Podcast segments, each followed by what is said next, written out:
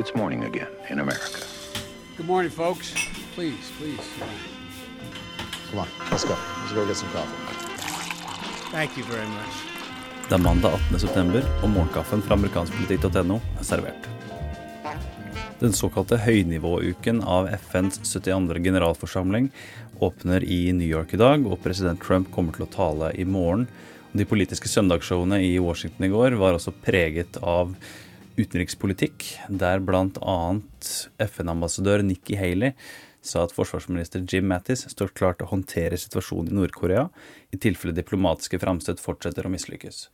Og Haley utdypet eh, videre at et slikt scenario vil innebære ødeleggelsen av Nord-Korea, men at det ikke var noe USA ønsket. Så ordkrigen fortsetter, og utenriksminister Rex Tillerson antydet på søndag at president Trump er åpen for USAs deltakelse i Parisavtalen dersom de riktige betingelsene blir innfridd.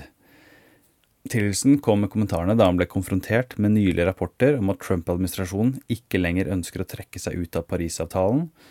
Det skaper da noe forvirring, ettersom Det hvite hus allerede har avvist påstandene som fremkommer i de nevnte rapportene. Men nøkkelsitatet fra Tillerson er jo de riktige betingelsene. I går kveld var det Emmy-utdeling, og Julia Louis Dreyfus vant da for sjette år på rad en Emmy for sin rolle som Selena Meyer i TV-serien Veep mens Alec Baldwin vant en Emmy for sin rolle som Donald Trump på Saturday Night Live. Og samme dag så hadde da Donald Trump, USAs president, utrolig nok retweetet en twittermelding fra brukeren Fucked Up Mind, som hadde et bilde av CNN Sucks, der han da slår en golfball. Eh, og da klippes deretter til at denne golfballen da liksom treffer Hillary Clinton i ryggen idet hun snubler om bord i et fly. Så det er noe du kanskje må høre en gang til. Iallfall se dette videoklippet. Ligger i dagens utgave av Morgenkaffen, som er servert av Per Åsmund Reimert og undertegnede Are Tovo Flaten.